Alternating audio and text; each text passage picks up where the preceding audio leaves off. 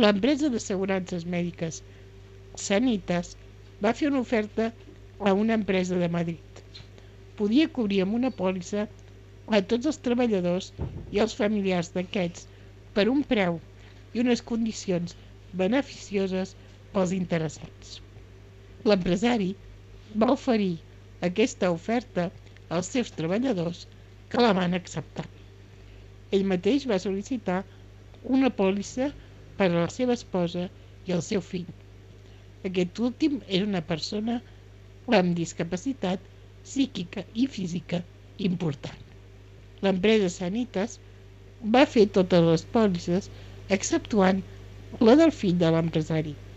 Per aquesta va sol·licitar uns informes mèdics i uns informes de la discapacitat que havien de ser de preu. Per aquest va sol·licitar uns informes mèdics i uns informes de discapacitat que havien de ser presentats al Departament de Subscripció de Risc. Segons el comercial responsable de l'operació, era un pur tràmit que sempre es demana en aquests casos. Finalment, l'empresa envia una carta negant aquesta pòlissa per a la persona amb discapacitat i l'especifica per telèfon les raons de la negativa, raons que no consten en el document escrit, demanant des d'aquesta emissora l'argument d'aquesta actitud a Sanitas es respon des del gabinet de comunicació.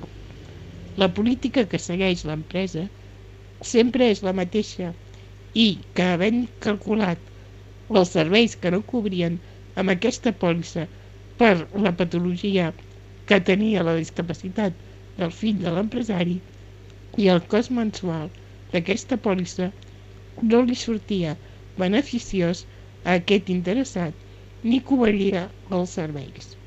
Per tant, i com a opció honesta, segons l'empresa Sanitas, es negava la cobertura mèdica a aquesta persona.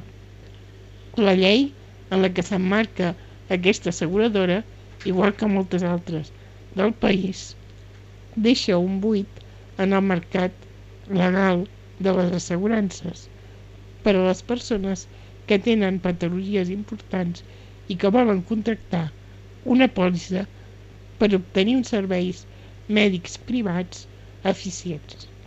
Tampoc s'obté un resultat menys discriminatori si parlem d'assegurances de vida o d'accident. Tot i ser una acció legal, no deixa de ser una fórmula més de discriminació.